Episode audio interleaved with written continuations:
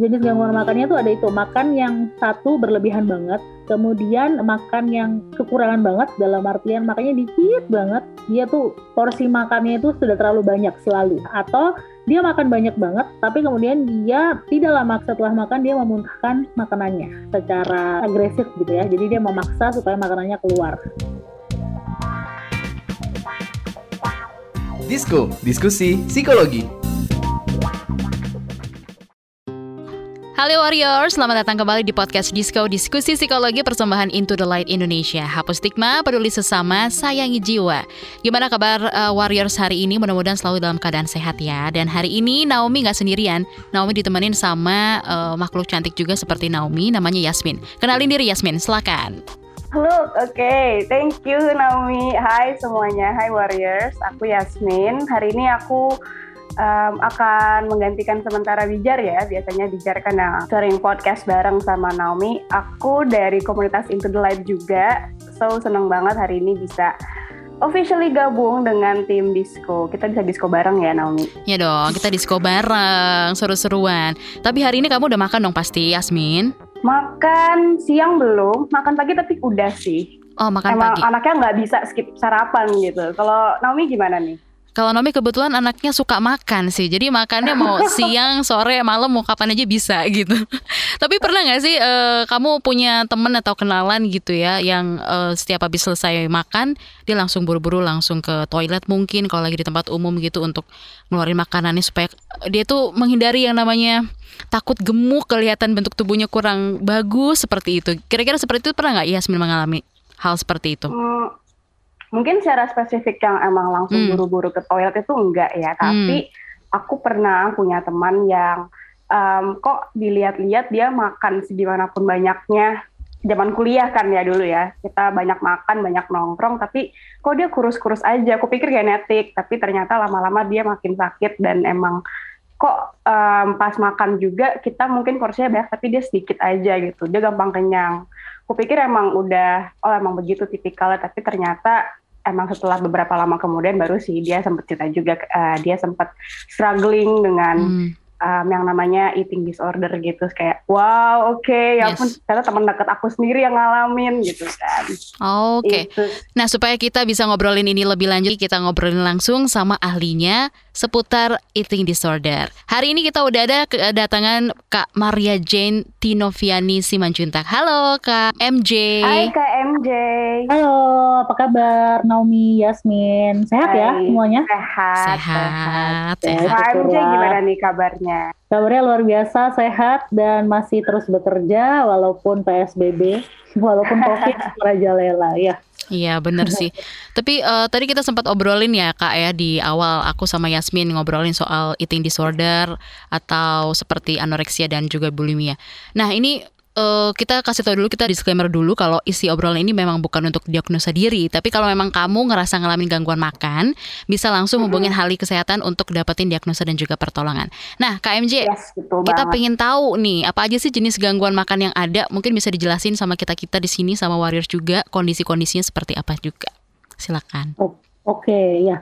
Tadi Yasmin udah share sedikit sebetulnya ya uh, dari pengalaman temennya Yasmin gitu ya. Tapi -uh. mungkin kan pertanyaannya apa aja sih jenis gangguan makan? Sebelum kita ngomongin gangguan, kayaknya kita perlu nih tahu sebenarnya perilaku makan itu apa aja gitu ya. Okay. Saya review dikit aja.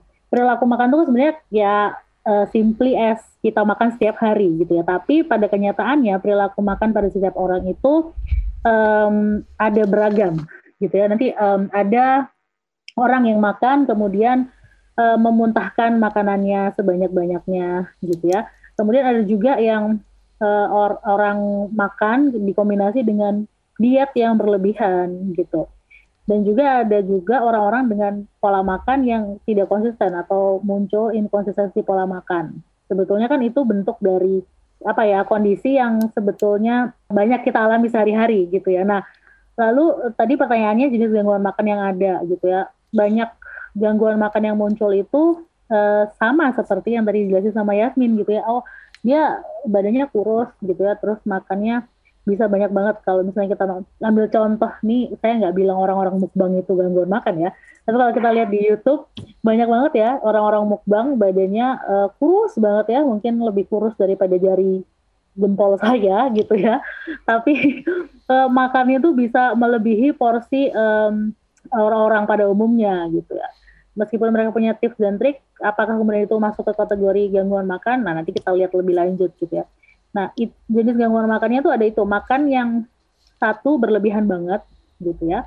Kemudian uh, makan yang kekurangan banget dalam artian makanya dikit banget dia tuh terasa porsi makannya itu sudah terlalu banyak selalu gitu ya. Atau dia makan banyak banget tapi kemudian dia uh, tidak lama setelah makan dia memuntahkan makanannya secara uh, apa sangat agresif gitu ya. Jadi dia memaksa supaya makanannya keluar. Nah sebenarnya kalau ngomongin kebanyakan di Indonesia kebanyakan perempuan nih yang mengalami hal ini gitu ya. Biasanya dikaitkan gitu ya dengan upaya untuk menurunkan berat badan. Biasanya seperti itu. Oke. Nah, tapi tadi sempat disebutin juga sama Naomi ya terkait ada anoreksia, ada bulimia. Nah, kalau hmm. bedanya dua itu tuh apa sih uh, eh, KMJ? Mana yang anoreksia, mana yang bulimia gitu? Oke. Kalau misalnya perbedaan dari keduanya itu dari gejalanya ya sebetulnya. Cuman hari ini saya nggak mau ngomong lebih detail. Cuman yang biasa terjadi gitu ya, biasanya jadi highlight adalah kalau yang uh, bulimia itu yang dia makan kemudian dia memuntahkan gitu. Kalau si anoreksia dia berasa uh, makanannya itu selalu terlalu banyak, porsinya dia itu selalu banyak. Jadi dia selalu makan kemudian uh, makan sih, tapi habis itu dia merasa bahwa enggak lah saya nggak perlu makan gitu ya. Jadi contoh-contohnya banyak yang badannya udah kurus banget, bahkan udah tinggal tulang dan kulit, kemudian dia merasa bahwa dirinya masih terlalu banyak mengkonsumsi makanan gitu. Perbedaannya sih lebih di situ, cuman uh, core-nya sama sebetulnya. Terus KMJ uh, resiko-resikonya hmm. nih yang bakal dihadapin sama teman-teman yang ngalamin gangguan makan itu gimana aja nih kak? Ya, kalau udah ngomongin gangguan pasti resikonya uh, ke mana-mana ya, gitu ya. yes. ya. Kalau uh, yang pertama pasti kesehatan fisiknya akan terganggu nih gitu hmm. ya. Kenapa? Hmm. Yang pertama kan ketika kita tuh hidup uh, perlu makan ya teman-teman ya. Iya dong. uh, now dan ya. Karena itu sebetulnya kalau dari ilmu psikologi basic needs of human itu adalah uh, kebutuhan fisiologis. Nah sehingga makan makan dan minum menjadi kebutuhan yang paling utama yang perlu kita penuhi setiap waktu. Ya setiap hari aja tapi setiap kali uh, kita melek ya bangun sadar sehingga kesehatan fisik pasti akan terganggu. Yang mana yang akan terganggu uh, gangguan uh, bagian sistem pencernaannya pasti akan terganggu nih. Banyak juga gangguan-gangguan medis misalnya perutnya kembung gitu ya. Terus bisa jadi asam lambungnya naik. Kemudian bisa jadi jadi GERD dan lain-lain gitu ya kalau untuk medis uh, kurang lebih itu yang paling banyak terjadi selain kesehatan fisik kesehatan kulit terganggu loh oh ya kita gimana tuh kak? ya jadi kalau misalnya eh, kita sebagai manusia itu kan perlu nutrisi ini ya. Nah, dari makanan, dari minuman. Nah, ketika nutrisi yang kita butuhkan itu tidak dipenuhi, maka sistem tubuh kita, sistem syaraf, sistem otak kita tidak akan bisa mengalirkan itu ke seluruh bagian tubuh, termasuk organ-organ kita di bagian kulit, gitu ya. Jadi percuma nih teman-teman perempuan ya hmm. kita kita kita perempuan di sini, yang misalnya skincare-nya udah kayak pol-polan ya, udah pol ya, udah sampai pakai pemutih, brightening, whitening, ning-ning yang lain gitu ya. Kalau makan yang buang, uh-huh. akhirnya kulitnya juga akan nggak bisa maksimal kalau dibarengi dengan nutrisi dari hmm. yang memang kita butuhkan gitu kan. Yeah. Kalau nutrisi bisa panjang. Memang harus emang hmm, harus, harus seimbang berarti ya. Betul, gitu ya. Itu kan jadi concern ya seluruh wanita di dunia ini gitu kesehatan kulit lalu gaya hidup juga jadi terpengaruh nih okay. gitu ya karena kan eh, nggak uh, tahu ya kalau kita di Indonesia itu ada istilah mangan nggak mangan kumpul ya kadang-kadang hmm. makan itu menjadi kedok untuk kita bersosialisasi iya ya, ya. benar sih kita ketemu ngafe nih kita ngobrol terus nanti makan gitu ya entah makan yeah. salad kayak atau makan croissant apa pun itu ya. Nah jadi akan ber berpengaruh juga nih ke hubungan interpersonal hmm. gitu ya. Jadi nggak enak ya ngomong nanti lu ngapain sih makan dikit banget? gitu. Atau lu makan banyak banget sih? gitu ya. Gitu ya seperti itu. Jadi uh, agak uh, ada rasa-rasa kurang nyaman karena itu. Yang terakhir pasti kesehatan mental gitu ya. Kesehatan mental kita sebagai seseorang uh, yang yang punya resiko tadi gangguan makan dengan tiga bentuk yang tadi saya sebutin hmm. pasti akan mengalami dampak tersendiri. Tapi KMJ sudah sempat menyinggung terkait uh, ada pengaruhnya juga ke kesehatan mental. Mungkin uh, boleh dijelasin lagi nggak nih KMJ, apakah ngaruhnya itu ke ranah emosi juga dan kemudian juga apakah semua bentuk gangguan makan itu pasti berhubungan dengan kesehatan mental gitu kak? Oke, ngomongin kesehatan mental itu menjadi isu yang sangat sensitif sebetulnya ya. Hmm. Banyak pihak yang saat ini kemudian uh, concern soal kesehatan mental ini. Gitu ya, banyak kajian, banyak kemudian seminar gitu ya kalau kita dari akademisi.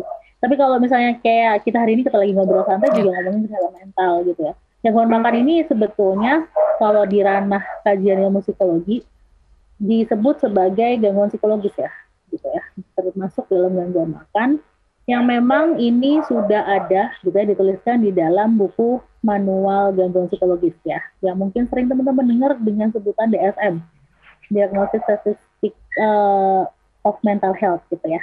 Saya review dikit aja, gimana kok bisa dihubungi dengan kesehatan mental. Jadi kalau kita ngomongin eating disorder atau gangguan makan itu uh, adalah suatu sindrom yang memang ditandai dengan pola makan hmm.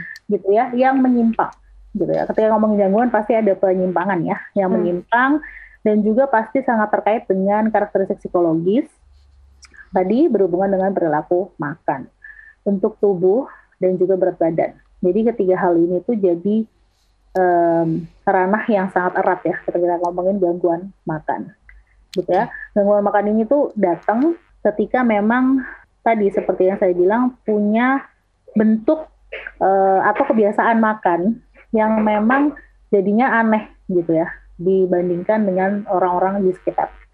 Kak, kalau tadi um, Kak MJ juga sempat jelasin juga gitu ya ter, uh, soal eating disorder ini sendiri. Nah, tapi kita pengen tahu juga sebenarnya bisa nggak sih Kak hal seperti ini tuh sembuh dengan sendirinya? karena udah ngomongin gangguan, maka kan berarti ada penyimpangan. Tadi ya saya sudah sempat bilang hmm. Berarti kalau ngomongin sembuh, nah itu perlu uh, bantuan dari ahli. Uh, tenaga ahli ya, hmm. gitu. Kalau sudah tergolong gangguan, maka kan perlu pertolongan, gitu ya. Pertolongan yang memang harus disesuaikan dengan kondisinya. Nah, kalau misal kita, tapi kita sebagai manusia yang memang sudah teredukasi, gitu ya pasti kita akan berusaha mencari cara untuk bisa gue nggak mau deh kayak gini terus gitu ya pasti ada titik di situ gitu kan mungkin kemudian cara mencari pertolongannya satu ke orang terdekat ya gitu. Kedua kemudian ke orang yang mungkin punya pengalaman yang sama dengan dia. Menurut saya itu boleh gitu ya. Tapi tetap harus diawali untuk seeking help ke profesional gitu ya. Profesionalnya siapa aja? Ya salah satunya ke psikiater gitu ya psikolog dan juga nanti untuk dokter gizi juga bisa menjadi pilihan. Iya, berarti kalau gitu memang ternyata harus dimulai dari kesadaran diri sendiri juga ya KMJ ya.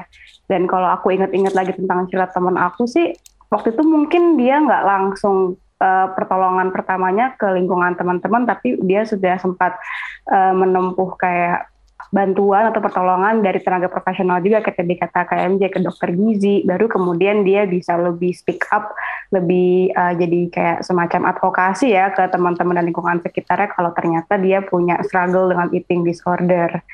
Nah, tapi kalau kita mau ngebahas lebih lanjut lagi nih tentang pertolongan tuh gimana atau mungkin uh, dari Warriors uh, hari ini juga mendengarkan ternyata merasa punya orang atau kenalan yang seperti mungkin ada gejala eating disorder dan kita lagi mau pertolongan. Ini pas habis banget ini ya. kali ya. Mm -mm. Mm -mm. Nanti habis kita bakal ini balik. sebelum kita betul, kita bakal balik habis ini kita break dulu, kita segera kembali habis ini. Disko, diskusi psikologi. Oke Google, cariin apa yang lagi trending sekarang dong. Yang lagi viral, yang lagi hits. Aduh kamu ini tahunya cuma nyur doang. Lah, dia nolak. Aku bilangin Siri nih. Ya sudah-sudah jangan ngambek dong. Kamu cukup buka KBR Prime titik ide, lalu cari what's trending. Semua dibahas tuntas dengan narasumber yang kredibel, jadi bisa buat referensi kamu. Wah iya nih, keren banget ya. Setiap hari lagi. Betul, dari Senin sampai Jumat. Jangan lupa hanya di KBR Prime titik ide atau di aplikasi podcast lainnya. Makasih ya Mbah Google. Hei kamu ini, saya masih gadis. Kenapa dipanggil Mbah? KBR Prime, podcast for curious mind.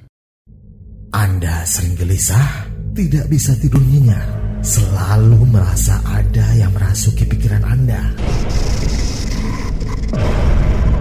Ini bukan iklan horor atau cerita serem, tapi kalau Anda mengalami hal seperti itu, Anda pasti ketinggalan berita terupdate yang lagi ramai diperbincangkan. Gak mau kan dibilang ketinggalan berita?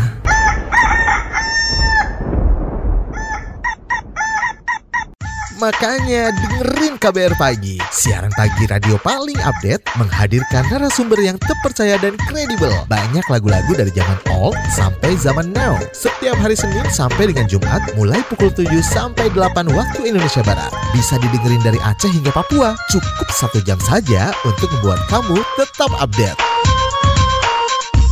Woi, ayam siapa nih? Berisik, saya mau dengerin kabar pagi. Disko, diskusi psikologi.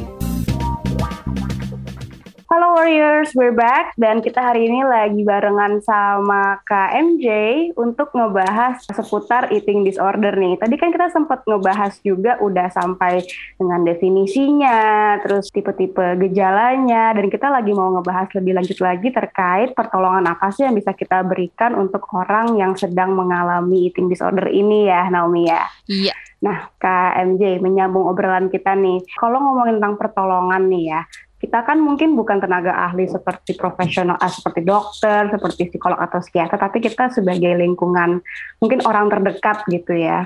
Apa sih yang bisa kita lakukan Kak untuk temen atau kerabat yang kita rasa mungkin sedang mengalami struggle seperti ini? Itu good point banget ya, gitu ya. Karena uh, seeking help to professional itu perlu, tapi pada akhirnya profesional itu hanya sebatas sesi pertemuan gitu kan. Nah kehidupan sehari-harinya kan nggak mungkin akan selalu ditemani dengan profesional tadi gitu ya.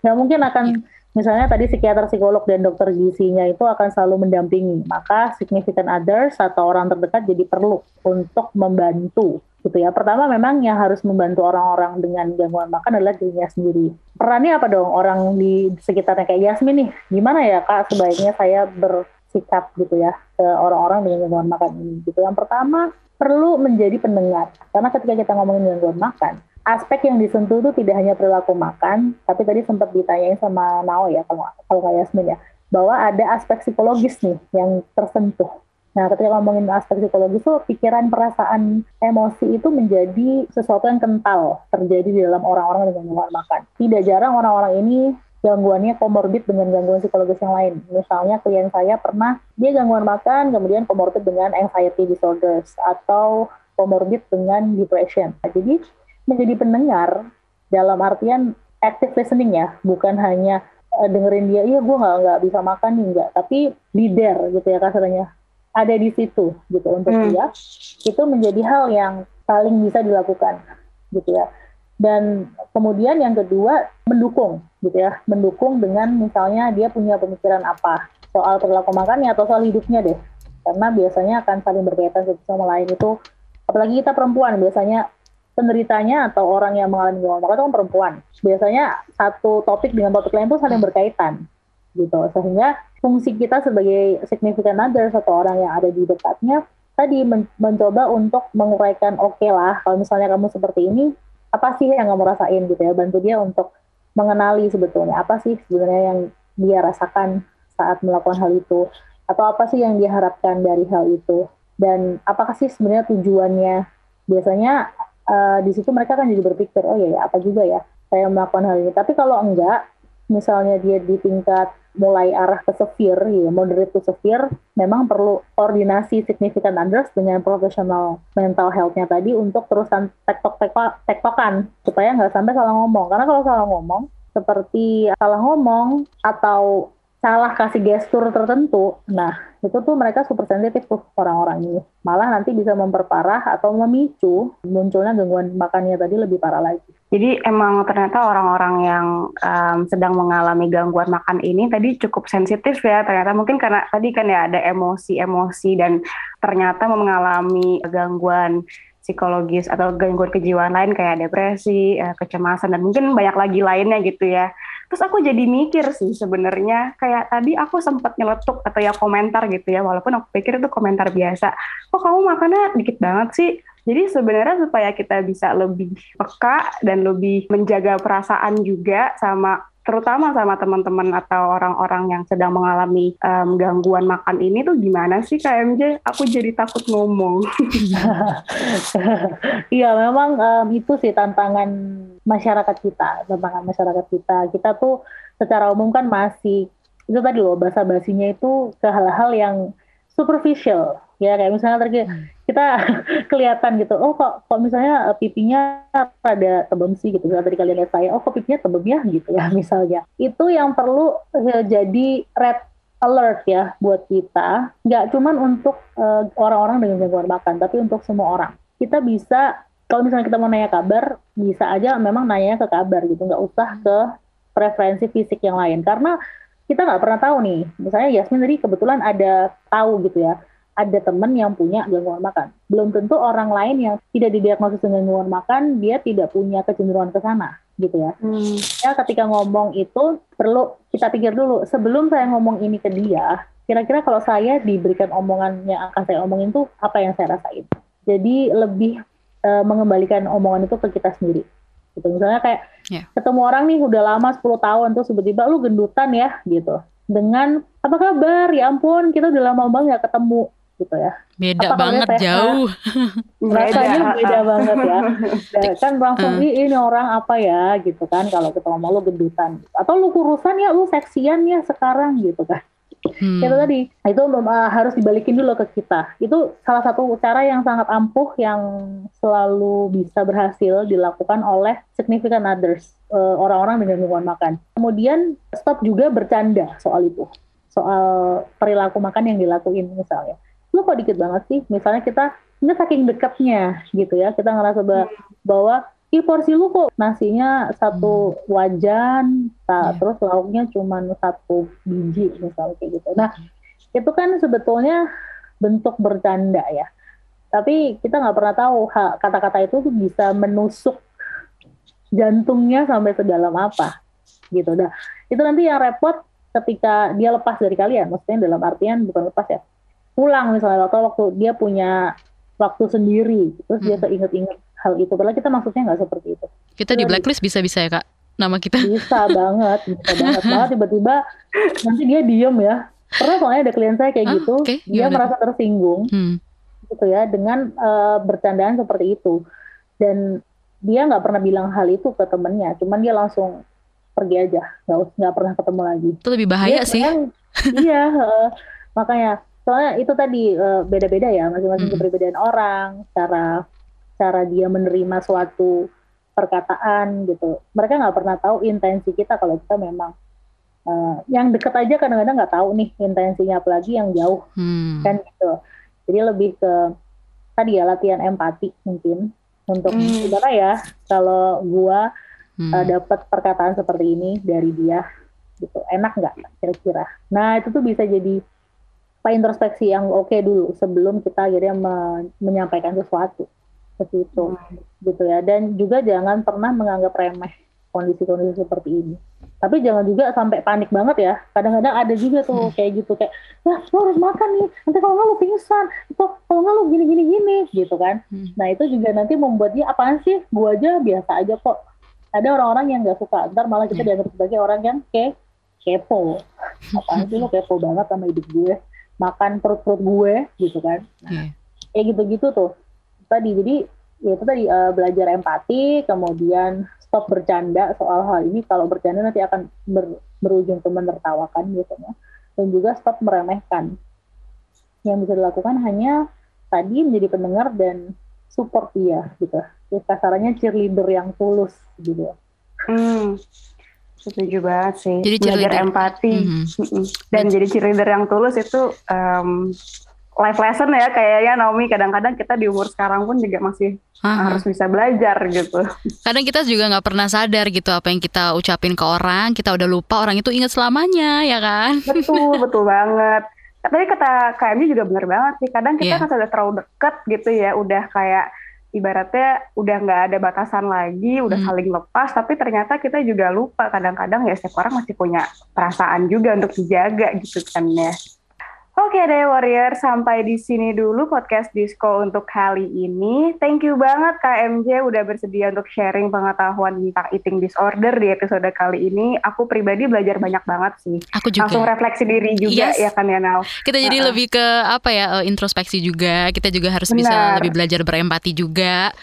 Terutama eh, dalam hal apa pun ya, kita kan nggak pernah Mm-mm. tahu gitu loh orang itu lagi eh, kondisi hatinya seperti apa, mau terima perkataan kita atau enggak, ya enggak sih? Thank you ya KMJ Betul sudah eh, bersedia untuk sharing pengetahuannya tentang eh, eating disorder di episode kali ini. Dan terima kasih juga buat kamu yang udah mendengarkan podcast ini ada di KBR Prime dan juga di Spotify dan platform mendengarkan podcast lainnya. Yes, karena dengan mendengarkan podcast ini, semoga kita bisa membantu menghapus stigma di masyarakat, lebih peduli terhadap orang-orang di lingkungan sekitar, dan tentunya juga jangan lupa nih untuk selalu menyayangi jiwa kita sendiri. Sampai ketemu lagi di podcast selanjutnya, dengarkan di kbrprime.id ya. Gue Yasmin, Gue Naomi. pamit undur diri dulu. Bye-bye. Bye. Disko, diskusi psikologi.